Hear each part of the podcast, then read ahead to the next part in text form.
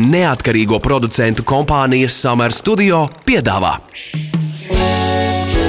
Ķepa uz sirds par viņiem, mūsu pašiem labākajiem draugiem. Raidījumu atbalsta Borisa un Ināras Teterevu fonds. Labvakar! Latvijas radio pirmajā programmā pārraide ķepa uz sirds ir klāta. Mani sauc Magnus Eriņš. Labvakar, labvakar visiem! Mani sauc Inese Kreitsberga. Ines, mēs diezgan bieži runājam par dzīvnieku glābšanu, par uh, cilvēkiem, kas glābj suņus un kaķus un meklē tiem mājas. Runājam par viņiem, kādi tie ir, taču mēs neesam runājuši par cilvēkiem, kas uztaisa minizo. Uh, nu, drīzāk es to teiktu par tādiem trakiem cilvēkiem, labā nozīmē, kas, jā, kas tieši glābj eksotiskus kukaiņus, putnus, čūskas un citas radības. Un stāsts jau ir par to, ka viņi jau neglābtu, ja atkal daļa cilvēku popularitātes pēc arī nepirktu šos zvērus eksotiskos. Pēc tam viņi nezina, ko darīt ar viņiem un meklē tiem jaunas mājas. Labākajā gadījumā, sliktākajā izmet vienkārši uz ielas. Un kas ir pavisam labi pretēji visiem stereotipiem, šādi cilvēki var būt arī pavisam jauni cilvēki. Tāpēc pie mums šodien viesojas studijā Digis Dreimānis, minizo īpašnieks. Sveiciens, Digis, tev šajā Vakar, vakarā. vakar. Tu esi tā kā mūsdienu Geralda Darela prototyps, vai ne, Ines? Viņš izskatās arī līdzīgs nedaudz. Es patiesībā nezinu, kāds izskatījās Darēls, bet es par viņu daudz ko dzirdējis un lasījis. Starp citu, Digi, tev ir kāds salīdzinājums ar Darēlu? Jā, pavisam nesen man pēc uh, ieraksta ievietošanas Facebook komentāros rakstīja, ka mums ir nākamais Geralds Darels. Kā tu pats uztver to kā Kā komplimentu? komplimentu noteikti, jā, es jau rak, rakstīju kā ar prieku, ar godu, man ļoti patīk. Starp citu, runājot par Darēlu, kas tev viņā visvairāk aizrāvis? Nu, labi, es zinu, ka viņš Kiprā ir dzīvojis, nu tā skaistās, eksotiskās vietās, kas varbūt ir fascinējis tev par to pašu Darēlu. Man visvairāk fascinē nevis personība kā tāda, bet tā līdzība ar mani. Ka mēs esam tiešām tā, nu, es zinot viņu, esmu ļoti līdzīgs kaut kādā ziņā. Ar visu to dzīvnieku mīlestību, ar to. Un, un ka tu esi gatavs pat upurēt savu dzīvi priekš viņiem, dzīvniekiem. Nu, šis ir pavisam interesanti, jo, lai jūs saprastu, mīļie klausītāji, um, Digis ir jauns puisis, 22 gadi, cik es sapratu, Nu, ir, būs, jā. kurš pēkšņi mainījis savu dzīvi no pilsētas zēna, paņēmis pārcēlies uz laukiem salīdzinoši. Jā, Atpakaļ uz laukiem, Atpakaļ jā. uz laukiem, mm -hmm. nodibinājis savu minizo, kur ir ļoti, ļoti daudz dažādas radības. Varbūt mēs varētu īsumā nu, mēģinām ieskicēt, kāds tev ir tas, nu, ne ganāmpulks, bet tas mīluļu lokus. Mēģinām varbūt noskaidrot. Uh, nu, mīluļu lokus ir sākot no lauksaimniecības dzīvniekiem, kas ir aitas, kāzas, govis, truši, vistas, dažādi tādi. Pastarpē vēl kāds eksotiskais, tur pitoni, lama, ēzeļi un tā tālāk. Nu, jau arī, arī circeņi, un tādi pitoni man ir divi. Ir klasiskais boa konstruktors, kas ir latviski parastā žņaudzēča uzklājkam, un uh, pitons. Nu, jā, nu, kam tā boja nav mājās? Loģiski, jau parastā. Nu, kam tad nav mājās boa? Tur jau tā lieta. Jā, ok. Un, un, un, nu jā, un tad ir pāvi, zīvis, nu, respektīvi, ieejot zooveikalā, es neredzu neko, kas man nebūtu mājās. Nu, kaut kā tā. Bet no tām radībām, kas tev mājās ir, nu, procentuāli, cik tās ir izglābtas un cik tu pats esi nopircis vai iegādājies? Procentuāli, es domāju, 70% ir glābti un 30% ir pirkti. Tā, kā tad tomēr kaut kāds tas glābēja gēns mums ir redzams priekšā. Bet tad varbūt Digi tomēr daudziem interesē, nu kā tu dzīvo savu dzīvi un izdomā pēkšņi uz eksotiskiem dzīvniekiem un zvēriem tā kā veltīt to visu.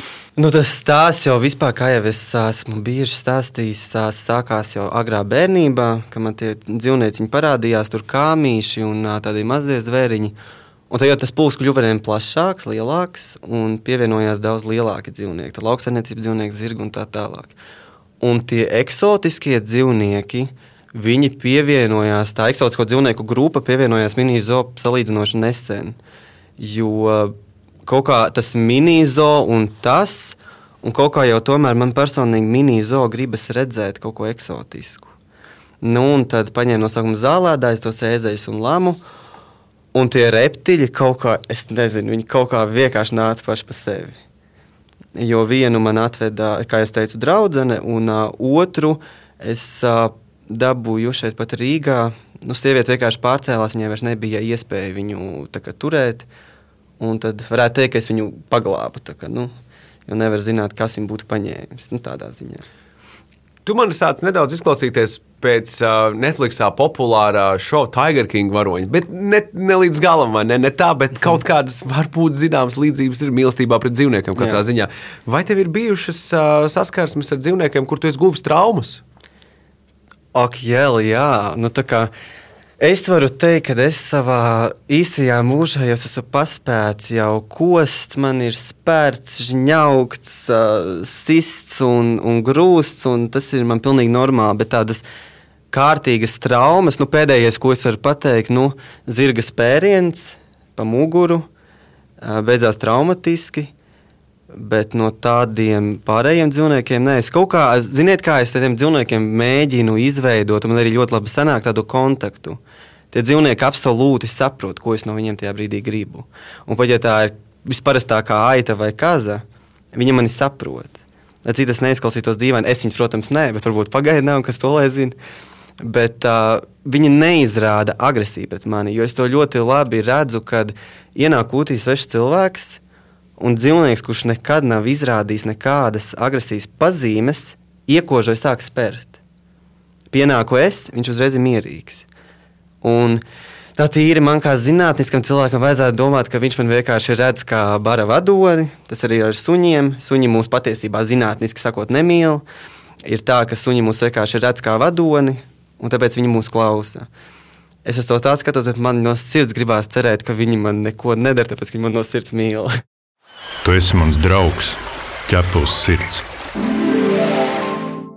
Bet runājot par tiem eksotiskajiem, mm -hmm. kas tev ir no tās tavas saimniecības, tev visinteresantākie, vistuvākie varbūt tās? Ah, jā, nu, es nekad neizdalu, man visi kaut kā ļoti tuvu un mīļi. Man kaut kā tie dzīvnieki dzīvo, nu, moderni ir teikt, dažādās matricās. Nu, es pieeju pie sava pitona, es pašā tajā brīdī esmu ar viņu. Viņš man tajā brīdī ir tiešām no sirds mīļš es pieeju pie kāda cita, viņš man ir mīļš. Nu, kaut kā es cenšos tā sadalīt, lai, lai visiem tā mana mīlestība tiek un rūpes. Bet nav, nav neviens tāds, kurš labi var būt, es varu pateikt, mans suns Džesija. Nu, tas ir man no sirds mīļš, bet nu, tā konkrēti sadalīt, nē. Didzi, vai tu vari pastāstīt par to, cik liela ir tava saimniecība, cik cilvēkus tu nodarbini? es nodarbinu sevi. tu esi viens pats, tu vari visu tiec galā viens pats. Man tagad ļoti, nu, pēc tās zirga spērēm man bija veselības problēmas, tad man atbalstīja ļoti vecāki, arī pašlaik viņi to dara. Bet tā nodarbinātas personas man nav. Pilnībā viss uz taviem pleciem. Jā, man ļoti daudz māma, māma tagad palīdz, un, un pa lielam, jā, tā organizācija visu uz mani. Jā. Lieliski, vai tu vari ieskicēt mums pārējiem par finansiālām izmaksām šādam projektam, kāds varbūt arī jūtas, jūt šo aicinājumu palīdzēt dzīvniekiem un, un, un, un radīt arī tādu kā svētnīcu. Vai tu vari izstāstīt, kas maksā visdārgāk un, un, un kuru radību uzturēšana varētu būt tā visdārgākā? Nu, redziet, daudzi kaut kā vēloties turēt kaut kādu dzīvnieku, viņi sāk ar to, cik maksā pats dzīvnieks. Viņam liekas, ka, nu, tur, piemēram, pitons maksā ap tūkstošu, nu, to es varu sakrāt. Bet kaut kā viņi neparēķina, ka tās lielākās izmaksas tieši sastāda visas novietnes, terārija, būri, aprīkojumi, sildītāji, nu, pilnīgi viss tas. Un, ja kāds tiešām vēlas, tad jārēķinās ar to, ka visdārgāk būs telpas, aprīkot. To dzīvnieku jau dabūt nav grūti, pasūtīt viņu kaut vai, vai ne. Es viņam nodrošinātu tieši, lai, lai tas mikroklimats un tas, kur viņš dzīvo, nodrošina tās fizioloģiskās vajadzības. Tā ir nauda tūkstošos, manā ga gadījumā tie tūkstoši. Jo pat tagad es tagad veidoju iekštelpu terāriju, kur arī būs tā galvenā tā glābēja silīta bāze, par kuru mēs vēlāk droši vien pārunāsim. Un viss remonts aprīkojums tie ir tūkstoši. Bet kura dzīve radība tieši ir visprasīgākā, visdārgākā? Nu, piemēram, to, ko tu minēji, ja, ka mājiņa vai barība var būt dārgāka par pašu dzīvnieku. Nu, varbūt varētu ir, minēt konkrēti, kuri tie ir zvēri.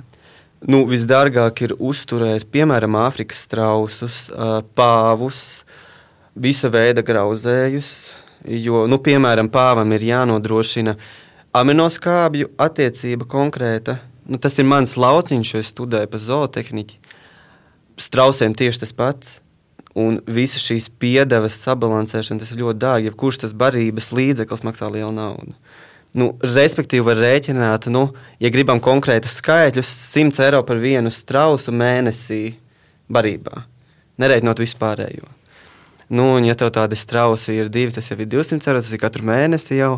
Un, ja tev ir vēl 198 dzīvības mājā, nu, Nu, kaut kā tā. Nu, strausu varbūt daudzi negribēs mājā, bet es domāju, kas vēl tāda prasīga radība ir. Nu, par, ja mēs runājam par pitoniem, tad tas ir vismazprasīgākais dzīvnieks, kas man ir jebkad bijis. Nu, mans pitons, piemēram, tagad nav ēdis jau pusgadu, jo ir ziemas periods, viņš vienkārši nēd. Nu, te man tā bilancīta kaut kā pa plusiem ir tā forši. Uh, bet uh, kas ir visdārgākais? Fretkas, piemēram, tas arī man ir arī fretkas ir, jo viņām vajag svaigu gaļu, viņām vajag zivis un tā tālāk. Un ne jau to sliktāko gaļu, jēra gaļa, lielopu gaļa, kas arī ir dārga. Es saku, tā grūti pateikt, jo kaut kā es tās finanses nerēķinu, kā varētu šķist. Es nodrošinu to, ko vajag, varbūt vēl bišķiņ vairāk. Vienalga, cik, cik tas maksā. Nu, kaut kā tā. Digi, tu pieminējies pirms mirkļa par glābēju silīti, un īstais brīdis patiesībā par to aprunāties ar tevi šobrīd pastāst, kas ir glābēju silīte eksotiskiem zvēriem un putniem. Jauna ideja, kas Digim ir ienākusi prātā. Nu, jāredz, uh, vispār jau par patvērsni kā tādu man ir bijusi doma jau tiešām no bērnības. Es atceros vēl tagad, kā man to sešu gadu vecumā bija galvā jau vizuāli 3D plāns, kā man viss būs, kur man būs un cik. Un kaut kā tā ideja bija noplakusi. Līdz ar visu to minizonu mācībām un visu man kaut kā ļoti laba draudzene, viņa arī astroloģija, ta, taroloģija. Viņa man kaut kā izteicās, tagad klausies, kā būtu ar eksotisko dzīvnieku patvērsmi. Es saku, aiziet, maucam, apmēram tā. Un, jā, un tad es uh, sāku aprīkot tās telpas, kas man ir, lai es varētu to darīt. Uh, un pēc tam jau es publicēju Facebook postu par to. Un kas ir glābējs silīte? Tas ir tā, ka eksotiskie dzīvnieki, it īpaši reptiļi, viņiem mūžs ir ļoti garš, un cilvēks nopērkot nepadomā, ka viņš nodzīvos ar 20, 30 gadus. Un tagad viņš ir nopircis, piemēram, bruņu rupuci, kurš dzīvos 20, 25 gadus, ir pagājuši 5 gadi no iegādes brīža, un viņš saprot, ka viņš Nu, es ar mantiņu esmu paspēlējies, man viņa vairs nevajag.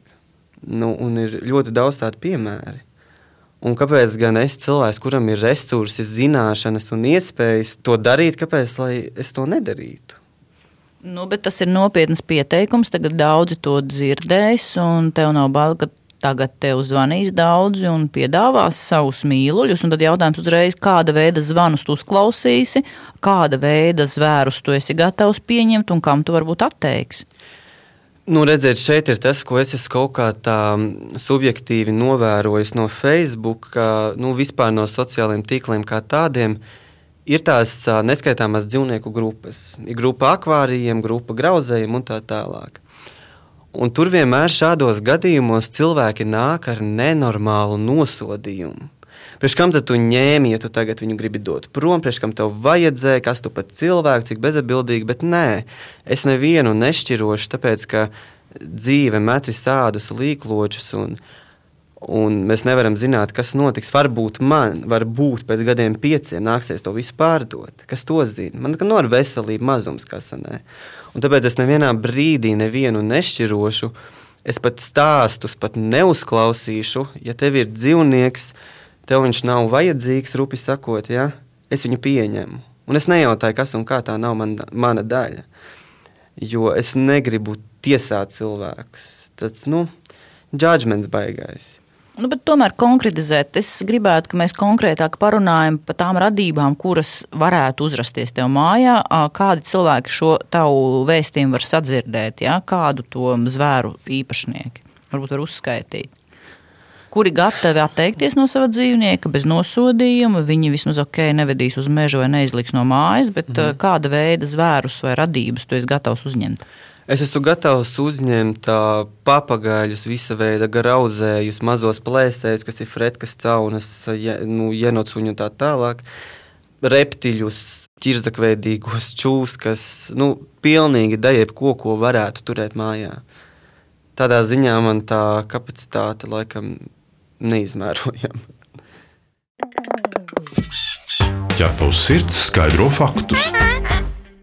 Vai tu mums vari izstāstīt, kāda radība kļūst populārāka cilvēku vidū šobrīd no eksotiskajiem dzīvniekiem, ko mēs visi augstam savā mājās turēt? Oi, man ir ļoti liels prieks, ka Eiropas Savienībā ir regula, kur nosaka, ka nedrīkst turēt mājās primātus privātpersonu. Jo ļoti modē tagad nāk tieši primāti visi, mērkaķīši un tā tālāk. Cilvēki saskatās filmās, cik ir forši, ka tev mājās ir dresēts mērkaķis un mēģina viņu kaut kur dabūt. Un, un, un tas ir tas, kas noteikti tagad nāk modē. Ļoti strauji vēl nāk modē tieši visi šie reptīļi, kaut kā cilvēki ļoti, nu, tas ir no manas pieredzes, ka cilvēki zvana, prasa, kāda dokumentācija ir nepieciešama, lai, lai turētu mājās reptili. Un nekas jau sarežģīts, tas nav tā dokumentācija, ne? Bet es vienmēr pajautāju, vai jums to vajag. Un viss tas, kas līdz šim ir bijis, visi zivtiņas, papagaļi, grauzēji, tas vēl projām ir. Nekas tā kā mazāk nepaliek. Tā popularitāte arī tāda ir, kā vienmēr ir bijusi. Bet tu minēji, ka tieši bruņurupuči ir tagad tādas radības, kas bezmaz Latvijā kļūst jau par saucamo invazīvo sugu. Un tu varētu pastāstīt, ko nozīmē invazīva suga, lai mēs saprastu, cik populāri šobrīd ir bruņurupuči, kas tiek izmesti ārā. Nu, redz, tā, nu kaut kā tā vienkāršā valodā runājot, invazīva suga ir vienalga augu vai dzīvnieku suga, kura nonākot konkrētā ekosistēmā, viņu sāk graut. Un kāpēc tieši par bruņurupučiem dabas aizsardzības pārvaldes mājaslapā ir pieejama informācija, ka ir uh, sarkanausu bruņurupucis, kurš uh, līdz šim gadiem ir bijis ļoti populārs mājdzīvnieks, uh, kļūst par invazīvu sugu. Un šī arī ir tā uh, galvenā, galvenā sekas, kas no tā var būt. Uh, jo šī dzīvnieka glābšana ietver ne tikai tāpēc, ka man viņa ir žēl, vai ne? par to, ka uh, nu, mēs piemēram varam ņemt piemēru no Pablo Eskabara, narkotikāra, kurš pagājušā gadsimta 70. gados ieveda nilzirgus savā valstī. Kuriem joprojām ļoti labi iet patiesībā. Un ko šie nilzirgi dara? Viņu izkārnījumu piesāņo ūdeni un iznīcina vietējās zivju sugas. Un šīs ir arī tās sekas, par ko es runāju, ka es arī šos dzīvniekus glābu ne, ne tikai tā dzīvnieka dēļ, bet uh, lai, lai uzturētu Latvijas faunu tādu, kā, kāda viņa ir. Un šie bruņu rupuči, jā, nu, es tiešām šaubos, ka bruņu rupucis uh, ir pats spējīgs atvērt terāriju, izkāpt un ielikt Daugavā. Mēs runājam par bezatbildīgiem cilvēkiem, kuri sev vēlējās paņemt pēļmantiņu. Un redz, tāpēc esmu tāds kā es, kurš uh, paņem šo dzīvnieku Daugaus vietā. nu, kaut kā tā. Atgādinām, ka pie mums šodien studijā ir Digis Dreimanis, minizo īpašnieks, un runājam par eksotisku zvēru un putnu glābšanu. Savukārt šo radio pārraidi podkāstu formā varat dzirdēt visās populārākajās straumēšanas vietnēs, kā arī Latvijas radio mājaslapā arhīvas sadaļā. Tu pazīsti kādu īpašu dzīvnieku draugu? Tavs kaimiņš vai kolēģis palīdz nelaimē nonākušiem suņiem un kaķiem? Varbūt kāds suns vai kaķis izmainīs tavu pašu dzīvi. Raksti mums, un mēs pastāstīsim šo sirsnīgo stāstu pārējiem klausītājiem. Iedrošināsim arī citus izdarīt kādu labu darbu. Gaidām jūsu vēstuli uz info atķepa uz sirds LV. Digī, vai, vai tu mums vari izstāstīt, kā tev šķiet, ko cilvēki joprojām nesaprot par dzīvajām radībām, kuras mēs saucam par eksotiskām? Cilvēki, skatoties uz dzīvniekiem, nesaprot to milzīgo atbildību, kas aiz viņiem stāv un kas mums, kā cilvēkiem, ir jāuzņemas. Skatoties uz eksotiskajiem dzīvniekiem, nu, nav nekas tāds, ko nevarētu izpildīt jebkurš, nodrošināt mikroklimatu un tā tālāk. Bet es vēlos tā likt uzsvaru tieši uz atbildību par viņiem. Kā paņemot jebkuru dzīvnieku, viņš tomēr būs jāuztur līdz viņa mūža beigām.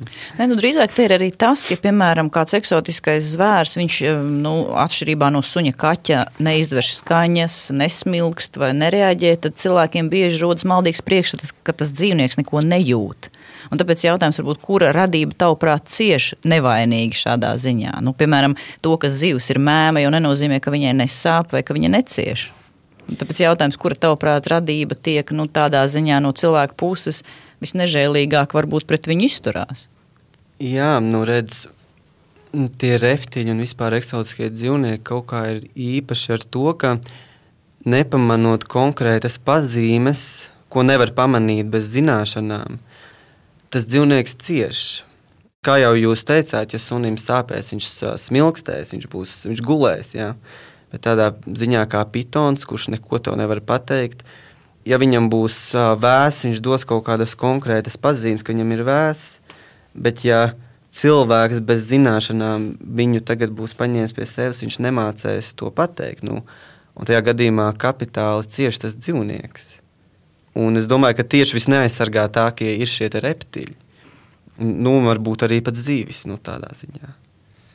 Es tā aizdomājos par to, ka, piemēram, lieta, kas mani atturētu šobrīd no eksotiska dzīvnieka iegādes, visticamāk būtu tas, ka es nezinātu, vai es varu paļauties uz barības kvalitāti, uz, uz, uz kopšanas pieejamību, tāpat arī, piemēram, veterināru medicīnu. Kāda situācija ar to mums Latvijā šobrīd ir? Nu, kopumā aprīkojums viss ir ļoti labi pieejams, arī kvalitatīva barība ir pieejama. Uh, un veterināra medicīna ir tā, ka mums ir uh, Jālgavā veterināra medicīnas fakultātē eksotisko dzīvnieku vetārsts, kurš uh, specializējas šajā jautājumā. Un, protams, tas nu, ar eksotiskiem dzīvniekiem tas nebūs tā, kā mums tas ir ar suņiem, ka vetārs ir gandrīz uz katru stūri. Jā. Tā tomēr ir kaut kāda specifika un tā tālāk. Tu dzīvo Reizeknē, un Jālgavā ir vetārsts par eksotiskiem mm -hmm. zvēriem. Nu, tā ir kā ir. Nu, jo... redzu, mēs atgriežamies pie atbildības. Ka tas ir jānoskaidro pirms tu ņem šo pitonu, ka vetārsti tieši tur. Un vai es būšu gatavs braukt tur 4-5 stundas pie vetārsta? Bet kura dzīve radība tevi pašu visvairāk ir pārsteigusi ar savu uzvedību, raksturu? Varbūt ir kaut kas līdzīgs, piemēram, cilvēkiem. Mēs esam runājuši daudziem eksotisko mm, dzīvnieku saimniekiem. Viņi saka, ka tie ir tie reptīļi, tie ir īstākie egoisti. Jā, tāds egoista piemērs, ka viņš tikai domā, kā iegūt barību, un tas ir viss, kas viņu interesē. Jā, ka viņam augstās asinis, tas augstais skatiens. Kā tu vērtē tos dzīvniekus, un kas, kura tā radība tevi visvairāk ir pārsteigusi? Nu, redz, mums tā kā cilvēkiem ir tā problēma, tajos, tas, tas ne problēma, bet tas niķis tajos dzīvniekos meklēt cilvēciskas izpausmes un emocijas. Bet tas dzīvnieks jau ir tāds, kāds viņš ir. Jā, varbūt tā čūska ir ar to augsto skatienu un domā tikai par ēšanu, bet tā uh, nevar jau nosodīt kādu par to, ka viņš ir tāds, kāds viņš ir. Un tā kā Kas man visvairāk ir pārsteidzis, es teikšu, ka mans ēzelis Lucifers. Jo nu, tas ir vienkārši fenomens, ne ēzelis. Viņš tiešām, viņš absolūti saprot, viņš mīļojās. Viņš, nu, piemēram, bija tāds laiks, ka es nebiju kaut kādas četras dienas mājās. Nu, man tur bija savas lietas un tā. Un es pārbraucu mājās, es izkāpu no mašīnas, un visi dzīvnieki sāk izdot skaņas, ierauga mani. Uh, un mans Lucifers pieskrien pie žoga malas un mani sauc. Un viss, kas man ir jāizdara, ir jāpieiet, jāuzliek viņam pūlis uz mana pleca un jāpapājā. Viņš ir tas, kas man ir pārsteidzis vairāk. Bet ir tā, ka ezeļi ir spītīgi, kā par viņiem runā. Spītīgs kā ezelis. Mm -mm, tā saka, jā. Vot neredz, vot tas arī ir tāds stereotips. Tas ir līdzīgi kā netīrs kā cūka. Nu, cūka ir viens no tīrīgākajiem dzīvniekiem pasaulē. Īstenībā arī, šmucīgs ir saimnieks, ja, kas nesavāc vispār. Kas, jā, šmucīgs ir saimnieks, kurš uh, nespēja viņu kā, uzturēt viņai tīru vidi. Bet ezels nav spītīgs. Nē, nu es jau saku, es viņam kaut kā varu sarunāt. Bet es vēl gribēju pajautāt, tu teici, ja, ka tu atbrauc mājās un tevi sagaida visi tie dzīvnieki, kas mm -hmm. izdod skaņas un grib samīļot. Kā tu sadali to uzmanību, kur pie kura pirmā pieiesi, kā tu zini, pie kura jā, jāpiet vispirms un kā tu to sadali to laiku, jo tu esi viens, bet viņi tev ir vairāk kā simts vismaz, es sapratu. Ļoti grūti atbildēt uz to jautājumu, tāpēc, ka tad, kad tu to gadiem dari, tev zemapziņa izstrādā kaut kādu sistēmu un schēmu, pēc kādas tu visu dari. Tas ir pat neizstāstāmi. Nu, es zinu, ka, piemēram, pie manas Lucifera es pieiešu pirmā. Kaut kā tā. tas ir neizstāstāms. Tas kaut kā vienkārši nāk pats no sevis. Tie dzīvnieki paši kaut kā spēj to sabalansēt. Es gribu pajautāt vēl tādu jautājumu, piemēram, tie, kas ir traki suņu draugi un mīļi, viņiem, viņi, protams, ļauj sunim gulēt gultā. Tas ir normāli. Kādi zvēri guļ tavā gultā pa nakti? Tu ļauj kādam gulēt zvēram kopā ar tevi? Nu, neskaitot mani, vēl guļ uh, mana sunenīte Džesija. Aha, sunim tā kā ir tās. Privilēģija, protams, viņa ar mani jau ir no 13. gada 20. septembra. Nu, viņa man ir bijusi visus šos gadus. Nu, jau viņa jau lēnām iet pensijā, un kā tad es viņai pateikšu, tagad gulu uz zemes? Es To nekad nevarētu. Ko saka tavi ģimenes locekļi un draugi par uh, tavu aizraušanos? Viņi lepojas, vai tomēr tev arī kāds par traku nosauc? Es varu pateikt to, ka mani ļoti ciena gan draugi, gan ā, ģimene. Par traku mani sauc, bet es domāju, ne sliktā nozīmē, jo visi priecājās par to, ko es daru. Un, un, un varbūt, jā, nu varbūt tagad es esmu pasludinājis, ka es gribu eksotisko dzīvnieku patvērst, un varbūt tas ir tāds šoks. Bet es uzņemos tik daudz, cik es varu pavilkt. Un maniem draugiem un radiem nekas cits neatliek, kā mani balstīt. Bet tu arī saproti un apzinājies, ka, piemēram, ja tu veidosi ģimeni, tad otrai pusē būs jābūt tikpat trakai, kāds esi tu pats. Un, Ja Kas tam, jums teica, ka es veidošu ģimeni? Nu, piemēram, Lielāku mini-zoo, piemēram, ar vēl kādu. jo, jo partneri. skaties, tu, piemēram, satiec cilvēku, ar kuru tu varbūt gribi veidot ģimeni, bet viņam arī savs minizoru. Nu, noteikti, taču arī kāda dzīve. Tas saliksim kopā. Un tas būs jau nevis mini-zoo, bet tas būs jau kārtīgs. Tas jau būs nacionālais zoodārs.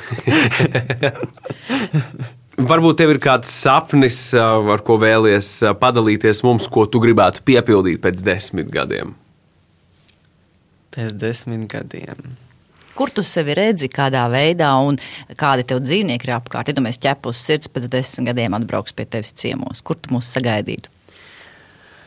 Pēc desmit gadiem es uh, redzu visus savus 50 hektārus pilnus ar dzīvniekiem, ar dažādām takām un visādām attrakcijām, ar daudz cilvēkiem, ar darbiniekiem no īstu zoodārza. Tas ir mans sapnis. Un tad, kad atbrauks ķepa uz sirds, es domāju, viņiem vajadzēs man dot naktas mājas priekš viņiem uz kādu nedēļu, lai varētu visu safilmēt. Es ļoti ceru, ka tas tā arī būs. Lai top, mēs ar prieku. Skaisti, paldies. Tīdzi, liels paldies par sarunu. Bija ārkārtīgi interesanti klausīties tavā deksmē par, par šīm tēmām, par eksotiskajiem dzīvniekiem un, un visu, kas ar to saistīts. Lielāko veiksmu tev biznesā un privātajā dzīvē, protams. Un arī, ja kādam klausītājam ir kādi jautājumi vai arī dilēma, ko darīt ar savu eksotisko radību, par kuru vairs nu, nav šī spēja un, un vēlme parūpēties, tad uh, meklējiet dīdzi, meklējiet uh, ar mūsu starpniecību vai paši atrodiet un meklējiet palīdzību, jo dzīvnieku draugi ir dzīvnieku draugi jebkurā situācijā un jums palīdzēs. Visur kopā - ķepus sirds. Bet nākamajā raidījumā, Magnus, mēs runāsim par sterilizāciju.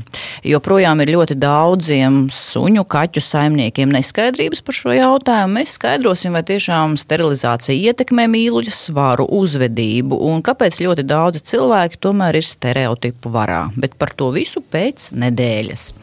Bet eh, šajā raidījumā tas ir arī viss. Mani sauc Inese Kreitsberga. Mani sauc Magnus Eriņš. Raidījumu veido neatkarīgo producentu kompānija Summer Studio. Visu labu! Atā! Ķepa uz sirds. Informatīvi izglītojoša raidījums par dzīvnieku pasauli un cilvēkiem tajā. Raidījumu atbalsta Borisa un Ināras Teterevu fonds.